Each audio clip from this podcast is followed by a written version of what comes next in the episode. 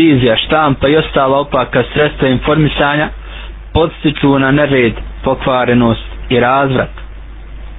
Gledajući na to kako je lahko ženi zavesti svog kolegu na poslu, ulici ili na času, gledajući na umjetnost zavođenja koju žena uči od štampe, radija i televizije, gledajući na razvrt koji se nudi u svim oblicima u javnim kućama, legalnim ili nelegalnim pozorištima i mjestima za zabavu, koja hvataju u svoju mrežu, tako reći glupake, i nudi im pokvarenu prljavu robu, gledajući sve to žena postaje raspuštena, a muškarci krše sve granice vjere, morale i časti.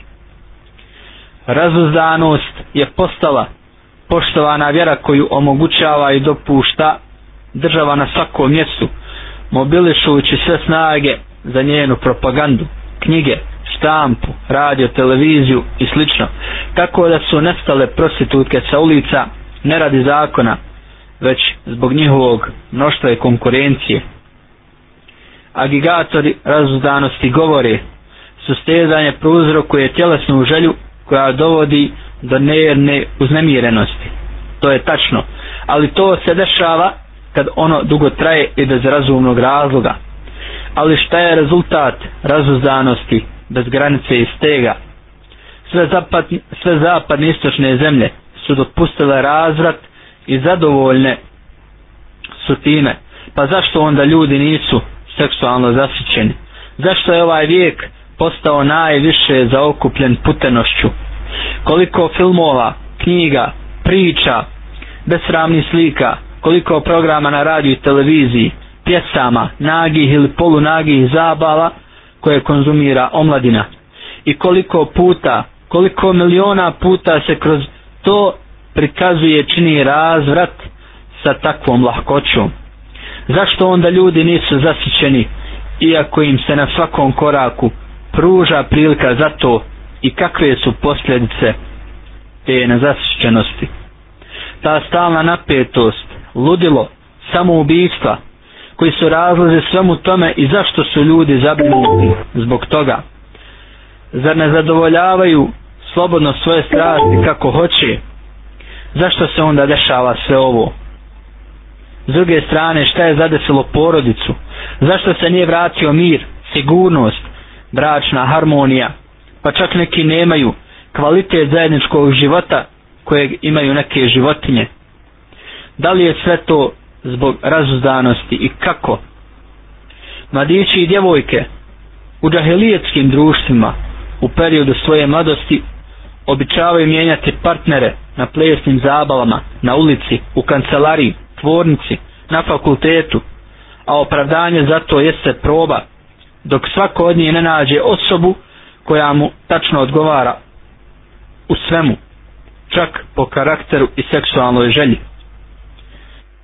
Ali cilj se zaboravlja, a sredstvo postaje cilj promjena partnera je samo po sebi postalo cilj ili u najmanju ruku običaj. Mladić poslije dugotrajne probe nađe djevojku. Djevojka nađe svog saputnika u životu i njih dvoje skopije brak, koji traje nekoliko mjeseci ili godina, a zatim se veza raspada, jer to nije samska veza koja jača tokom zajedničkog života, već veza dva pohotna tijela. Ona prvo počinje zabavljanjem, zatim se nastavlja u osjećanjima dvoje mladi vezanih brakom. Poslije izvjesnog vremena brak postaje zatvor u kome nema dinamike niti uzbuđenja, tako da se muž i žena vraćaju u stanje u kome su bili prije zabavljanja. Muž vidi neku uzbudljivu, novu djevojku, a žena vidi nekog mladića koji je njoj uzbudljiv. Zašto? Zbog toga što je nov. Tako se oni udaljuju jedno od drugog i nalaze sebi ljubavnika, to jeste ljubavnicu, ili se razvode. U Americi, koja je dozvolila i ozakonila razvrat do krajnjih granica, ohrabrujući ga svim sredstvima javnog informisanja, napravljena je čitava filozofija o problemu razvoda, čiji procenat u nekim državama Sjedinjenja američkih država iznosi 40% od ukupnih brakova i dalje je u porastu. također veliki prot raje za sebe opi kao ali jednim uopšte. O vijezni probudite se Boži budimo hrabri i suočimo se sa stvarnim stanjem naše vjere i morala. Postoje li uzroci moralnog pada koji se danas dešava u našim zemljama? Evropa propada zbog mnogobrojnih razloga ali zašto mi propadamo? Da li smo imali crkvu koja nas je progonila teškim porezima? Da li je u našoj celokupnoj vjerskoj istoriji vladalo neprijateljstvo između vjere i nauke kao što je slučaj Evrope? Da li se kod nas desio razvojni rat koji je odnio živote miliona mladića pa su djevojke ne mogavši naći svoju sreću moralno poklele poklekle pod ovom nevoljom da li nam se desio nagli prelaz sa poljoprivredne na industrijsku proizvodnju koji je prouzrokovao pokretanje radnika sa sela u grad, a time i kvarenje omladine. Da li se išta od ovoga desilo u našim zemljama? Pa zašto se onda mi suočavamo s moralnim padom? Počet ćemo od djevojaka. Takvu slobodu ima jedna djevojka u našim zemljama i da li joj je baš sve dopušteno?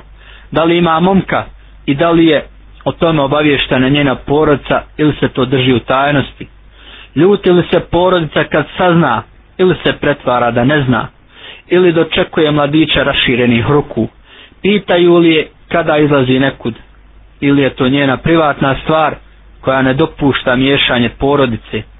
Da li se djevojka nadzire ili ona ta koja upravlja svojim životom?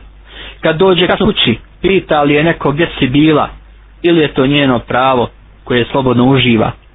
A kada dobijemo odgovor, učila sam sa prijateljicom, uzima li se to zdravo za gotovo ili se raspravlja o tome, do koje doba je učila i šta je cilj učenja, posao sam po sebi ili posao radi sticanja muža ili osjećaja slobode. S druge strane, ima li mladić djevojku sa kojom se slobodno zabavlja i to javno, pred porodicom ili potajno, šta će porodica reći kad sazna za to i kakve će korake preduzeti ili neće ništa ni poduzimati? Koga će mladić oženiti? Djevojku koju je upoznao u prolazu u šetnji djevojku sa poslali studija? Ili će se oženiti djevojkom koju uopšte ne poznaje? Kakve će uslove postaviti? I otko zna da li mu ona odgovara. Da li se sa njom slobodno zabavlja i onda zaručuje ili je to nevino druženje? I do kada traje ta nevinost? Kakav će stav zauzeti kad sazna da je i prije njega imala momka? Hoće li to prihvatiti kao normalnu stvar? Hoće li preći preko toga ili će se uznemiriti? Kako gleda na njenu ljubav prema njemu? Da li smatra da ga voli kad mu se potpuno preda ili kad ga odbija i dokad će trajati njegova žudnja za njom kad se odluči za brak. A nakon što je oženi, šta je sa njihovim starim prijateljima, odnosno prijateljicama sa kojima su se zabavljali? Da li će se odreći njihovog društva ili će se i dalje sastajati sa njima? Da li će on to činiti, a njoj zabranjivati, ili će se sastajati sa njima bez ikakvog osjećaja neugodnosti? Hoće li njegova supruga dočekivati prijatelje u kući, bez obzira da li je prisutan muž ili nije, i da li on ima povjerenja u nju. Ovo su neka od hiljadu pitanja, a da li imamo jasne odgovore na njih i tačno određen cilj, ili je sve dopušteno, tako reći, s blagoslovom, zavisno od okolnosti. Budimo otvoreni, pa recimo da još ne znamo šta hoćemo i da živimo bez određenog cilja djevojka koja ide na more u kupaćem kostimu, ide li samo zbog mora ili želi da se pokaže i uzbudi strasti. Djevojka koja izražava svoju slobodu tako što oblači provokativnu odjeću i izlazi na ulicu ili sjedi u kafićima ili parkovima usred muškog društva. Je li sloboda zaista njen cilj? Šta misli o mladiću kojeg uzbuđuju njena razgoličena prsa pa pilju u nju kao bjesan pas? da li ona zna da njena razgoličenost i provokativni pogled pobuđuju u njemu životinske nagone Je li se obukla tako radi sebe ili radi tog razuzdanog mladića? Skreće li pažnju na sebe zato što je emancipovana ili zato što je rob svojih strasti? Urednik koji u svojim novinama zapošljava djevojke, on govori da radi na emancipaciji žene, pomažući joj da se tako reći probije kroz sva polja rada. I on veli, žena je dokazala da je vještija od muškarca. I još kaže, ona je ustrajnja u poslu i slično. Da li ona zaista radi, da li, da li on zaista radi na emancipaciji žene ili je koristi kao mamac za novinarski posao. Šalje je da ulovi vijesti, znajući sigurno da će jedan njen provokativni pokret i zavodnički osmijeh otvoriti srce i najtvrđeg sagovornika. Postavlja je u kancelariju kako bi stimulisao svoje mlade radnike da u prijatnom društvu zgodne djevojke dadnu sve od sebe u poslu. Nije li to trgovina bijelim robljem koja se slobodno obavlja? Nisu li oni moderni trgovci tijelima koji šire zlo i pokvarenost? pisci koji pozivaju na emancipaciju žene i omladina koja je oduševljena ovim pozivom. Jesu li oni iskreni u svom pozivu? Da li zaista boli za ostalost žene i njeno ropstvo, kao što kažu lijući suze, ili se iza njihovog poziva kriju posebni razlozi? Želi li zaista svako od njih da ima emancipovanu ženu, ženu koja raspravlja sa muškarcem, dajući mu do znanja da mu je u svemu ravna i da bez nje ne može donijeti nikakvu odluku. Ženu koja izlazi kad hoće, vraća se kad hoće i miješa se sa muškarcima na svakom mjestu ili uprkos tome što radi proklinje svakog ko poziva na to. Da li je iskren u svom propagiranju ili je licemjerni lažov? Želi li stvarno da se žena emancipuje ili da postane roba koju je lahko dobiti na svakom mjestu? Nije li cilj dobiti ženu?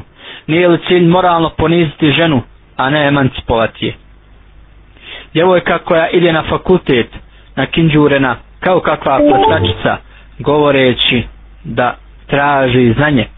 Da li znanje zahtijeva takvu odjeću i pokrete? Da li znanje zahtijeva izazivački smije da li zahtijeva nalakirane nokte i crvene usne da li zahtijeva sjedenje sa studentima u kafiću ili restoranu, na pauzama predavanja ili izostanka sa njih.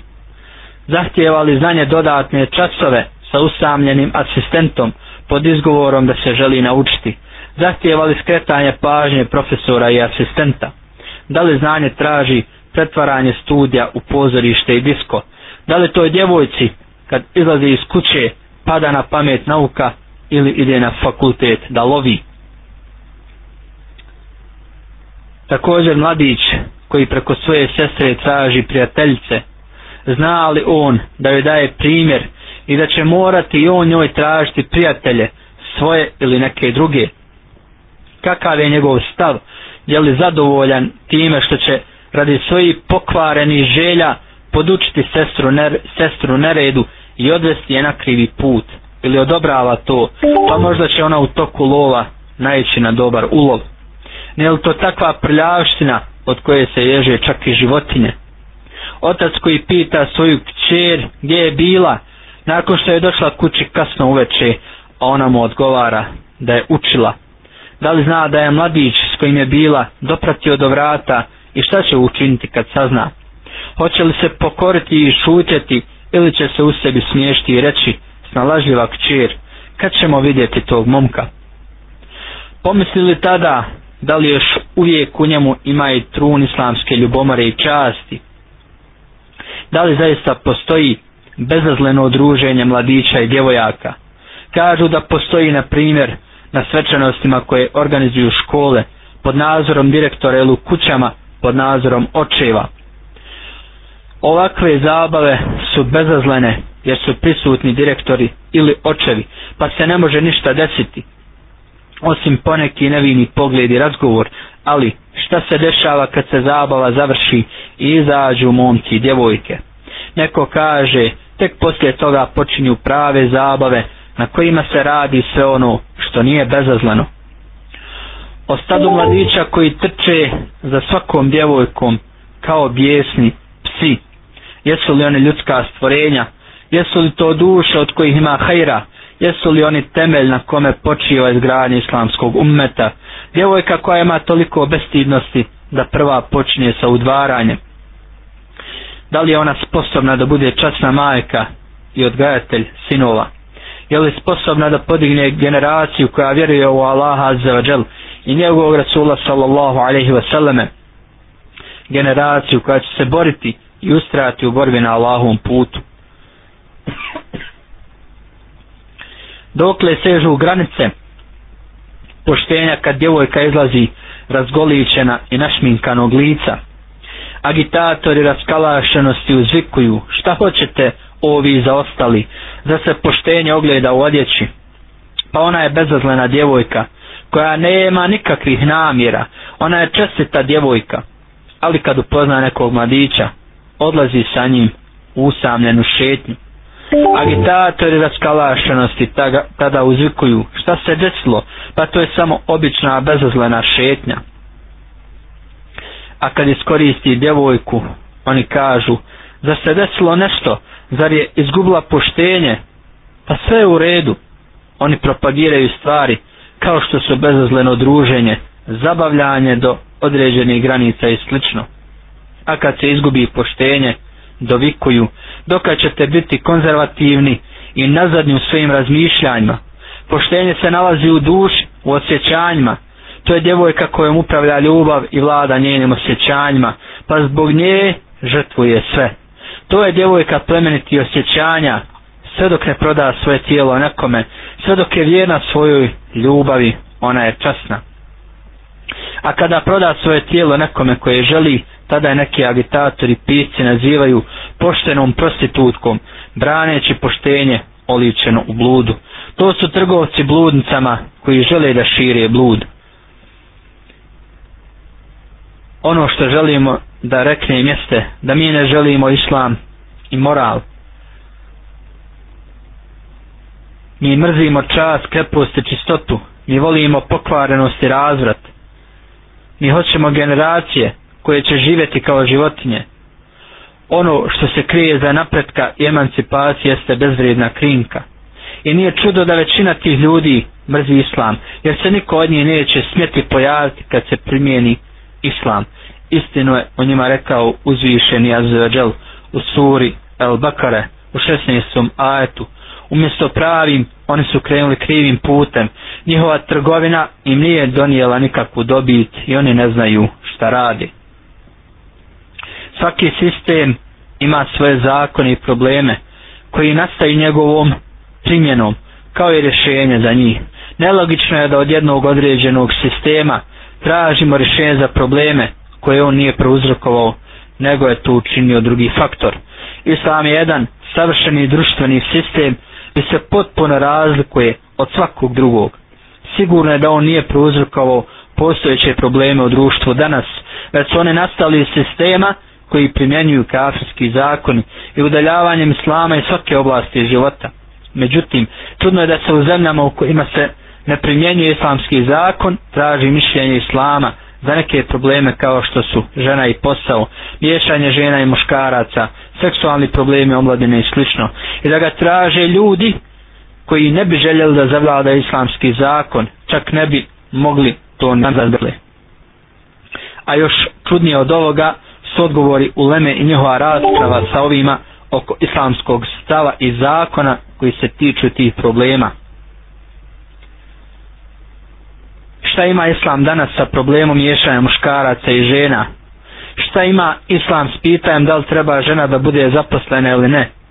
Šta ima islam sa bilo kojim problemom nekog sistema u ovom društvu koji ne ispovijeda islam, niti želi njegov zakon?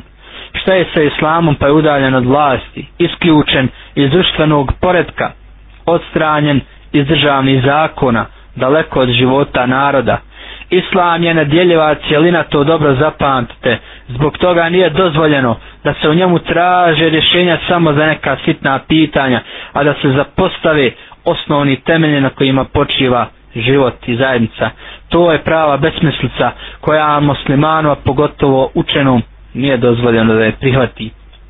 Prvo, treba da uspostavimo islamsko društvo kojim će upravljati islamski zakon i principi. Treba da odgojimo muškarce i žene na islamski način, kako u kući, tako u školi, tako i u društvu. Da obezbijedimo životnu sigurnost koju islam garantuje svima i da ostvarimo islamsku pravednost za sve. A zatim da pitamo ženu, želiš li da radiš u državnim ili javnim institucijama ili ona neće željeti da radi jer neće imati potrebe za tim.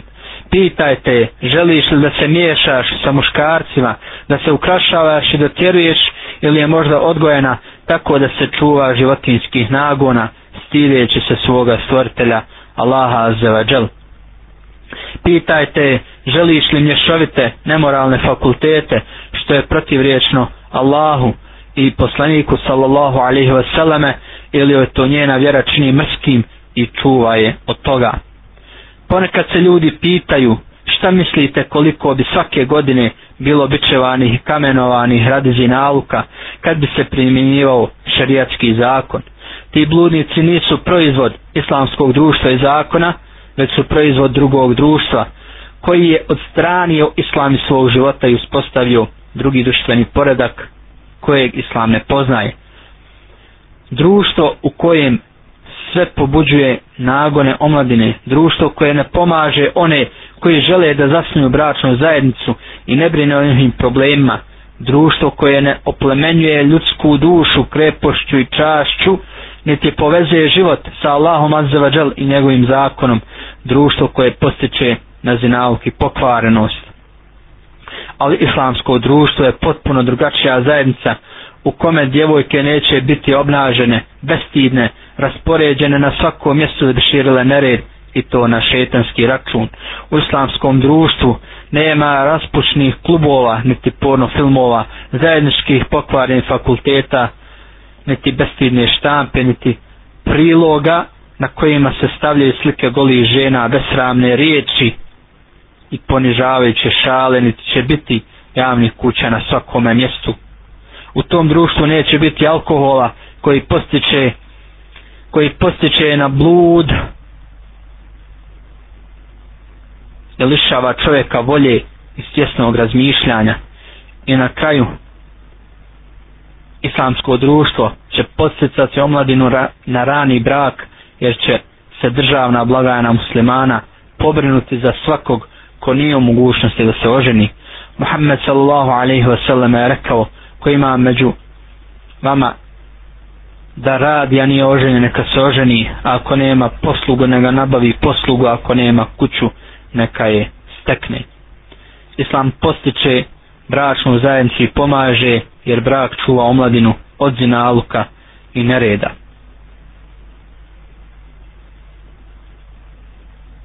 Ja ne kažem da sam ovim jednostavnim drsom naveo ljude na spas i da sam ih izveo iz tame na svjetlo. Već sam pokušao da ih upoznam sa bolešću i da koliko je to moguće definišem lijek za tu bolest. Jasno se vidi iz predovno rečenog da su nevjernički istok i zapad bili planeri nesreće koja nas je pogodila još od prije stotinu godina da bi nas udaljili od svake vrline da se više ne može razlikovati život većine današnjih muslimana sa životom u najvećim gradovima zapada i istoka.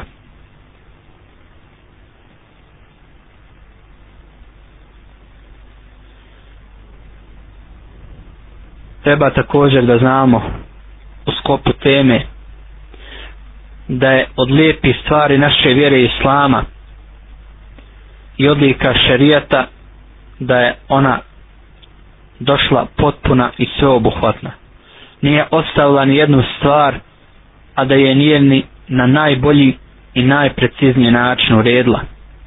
I Allahu pripada potpuna mudrost u onome što stvara i odabire. A kako i ne bi znao onaj koji stvara, onaj koji sve potanko zna, koji je o svemu obaviješten.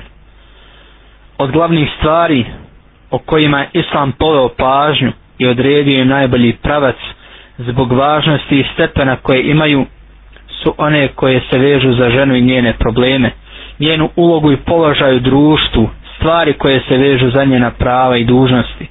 I to je zbog toga što je ona uzrok uspona društva i izgradnje civilizacije, zato što ona nježna, samilosna, čedna, odgajateljca, voljena supruga i prijateljca, plemenita i dobra sestra, ljubazna kćerka i dobročiniteljka i ne samo to, već je ona istinska učiteljca koja priprema generacije i odgaja ljude. Braćo i sestre, znamo da je Islam došao dok je žena, dok je žena bila obespravljena, sputana, obeča, obešašćena, kad se smatralo da je sramota biti žensko ili imati žensko dijete, kad se sa njom loše postupalo, kad je smatrana najjeftinijom trgovačkom robom koja se može kupiti ili prodati, pokloniti ili uzeti u zakup. Nije imala pravo posjedovanja i metka, niti je imala pravo na nasljeđe, već je mogao bilo ko ubiti ili živu zakopati, ne smatrajući to nikakvim grijehom ili zločinom. Nakon što je Islam došao, podigao je njen stepen, povratio čast, ispravio nepravdu koja je nanešena, dao joj njena prava, potro pred islamske običaje u vezi s njom i stavio je u ravan sa čovjekom. Uzvišeni Allah za na više mjesta u Kur'anu spominje nju kad spominje čovjeka pa kaže o ljudi ja ihan nas inna halaknakum min zekerin wa unsa mi vas od jednog čovjeka i žene stvaramo Rasul sallallahu alaihi wa sallam je savjetovao da se lijepo postupi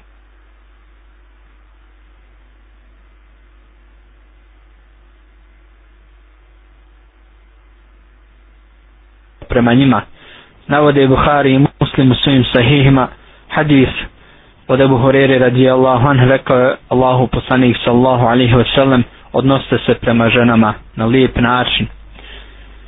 Ahmed Abu Dawud i Tirmizi u svojim zbirkama bi Allahu pik sallahu alaihi wa jer najbolji najpričeg prenetu hlak a najbolji su oni koji se bolje našaju tvojim ženama. Islam joj je dao ljudska da se oča propisao je dužnosti koje su u skladu s njenom prirodom i dopusti ono što se ne kosi sa Koranom i Sunnetom, niti je u suprotnosti sa pravilima šarijata iz oblasti vezane za ženu, kao što je na primjer izjednačio čovjeka i u brojnim situacijama, s time da je to izjednačavanje zasnovano na šarijatskim temeljima. Na osnovu vjerodostojnih dokaza i zdravog razuma možemo uvidjeti da je Allah čovjeku i ženi dao posebne stvari kojima se odlikuju. Dao je sposobnosti i čovjeku i ženi koje će im pomoći da ispune svoju ulogu u životu. Tako je čovjeku dao snagu u njegovom tijelu kako bi radio i zarađivao, a ženi blagost i samilost kako bi gala djecu, podizala generacije i gradila porodcu na temeljima Islama. Šta nakon te počasti hoće žena? Šta to hoće Havine kćeri nakon ove pažnje i brige prema njima? Zamijenile su ono što je bolje za ono što je gore? Zar daju prednost skidanju hijjaba? Zar daju prednost razgoličavanju, otkrivanju, skrnavljanju svetinja i miješanju sa muškarcima nad čednosti, neporočnosti i čestitosti? Zar su kuranske ajete i hadise o pokrivanju čestitosti bacile za leđa? Zar su zavedene raznim spletkama, podignutim glasovima, tvrdnjama koje pozivaju u zabludu? Slatkim, varljivim riječima koje nas zapljuskuju s vremena na vrijeme. Zar su ostavili provođenje zar su ostavile povođenje za čestiti majkama pravovjernih poznatim ženama koje su bile dobre poput Ajše, Hadidže, Fatime i Nesibe a slijede bestidne žene i, po, i oponašaju grešnice. Da nas Allah zaođel zaštiti od toga. O sestro muslimanko ti nećeš u potpunosti postići svoj cilj, niti povratiti svoju izgubljenu čast, niti ćeš dostići visok ugled, osim slijedženjem islamskog učenja i zastajanjem pred šarijatskim granicama. To je dovoljno da u tvoje srce unese ljubav prema plemenitim stvarima, a prezir prema lošim. Allahu zahvaljuju na položaju koji ti je dao, unesi sreću u svoju kuću, oblači hijabi, budu, budi čestita i čedna. U kućima svojim boravite i ljepotu svoju kao u davno pagansko doba ne pokazujte. U drugom ajetu stoji o vjerovjesniče reci ženama svojim i kćerima svojim i ženama vjernika neka spuste haljne svoje nizase tako će se najbolje i najlakše prepoznati. Ti su u islamu brižno čuvani biser, skriveni dragulj, a bez islama ti si jedan obični biserčić. u rukama pokvarenjaka igračka i roba kojom se trguje igračka kojom se igraju vuci ljudskog roda pa joj oduzimaju njen čast i čednost a zatim je nazivaju nukleusom društva onda kad žena napusti islamske propise i počne se nemarno odosni prema hijabu, otkrivajući se pred ljudima kako bi im bila suparnik, namirisana, nestaje njen sjaj, gubi se njen stid i njena ljepota, da se zbog nje povećava nemoral i dolaze do izražaja loše stvari. O muslimanko, ojačana islamskom čašću, o čestita muslimanko, ti si najbolja žena koja se pojavila, pa se pridržavaj Allahove knjige i sunnata njegovog poslanika, sallallahu alaihi wasallam i budi oprezna. Čuvaj se ruku koje spletke unose i očiju koje ti zavide na tvom sjaju, a koje hoće da te izvedu iz tvog sretnog života. Čuvaj se prevare i poraza u ratu između oblačenja skidanja hijjaba, čednosti i raskalašenosti.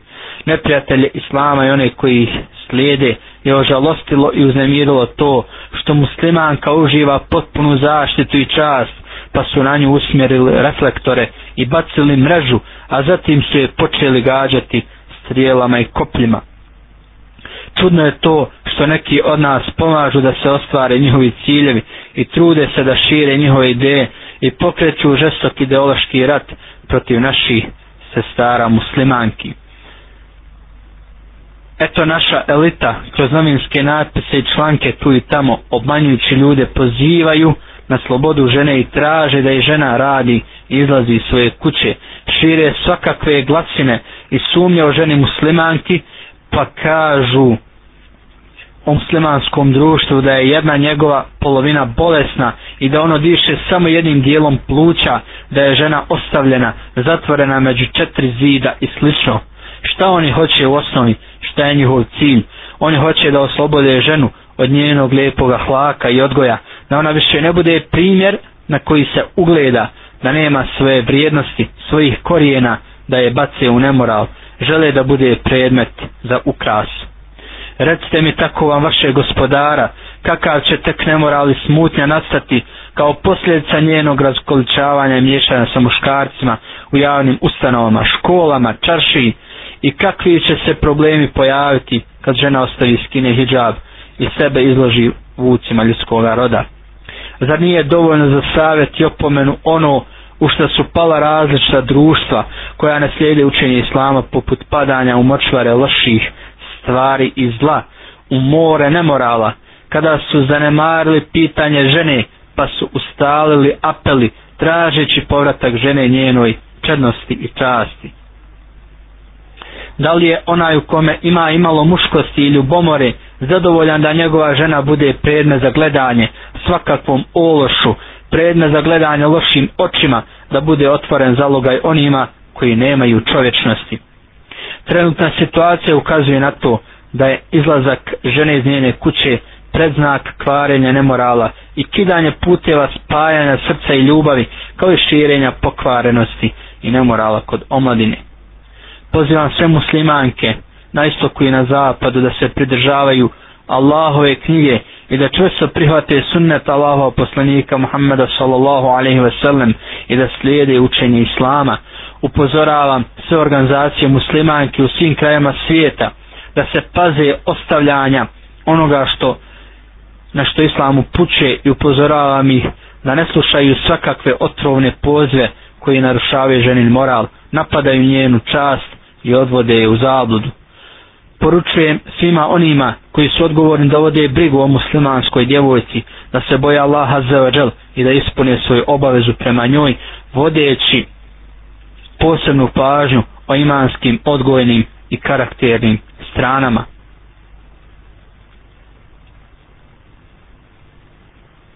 Znajte da se danas problem ovog ummeta u njegovom ahlaku pojavio onda kad se poremetio porodični sistem, i ostavilo se vođenje brige o žennom odgoju.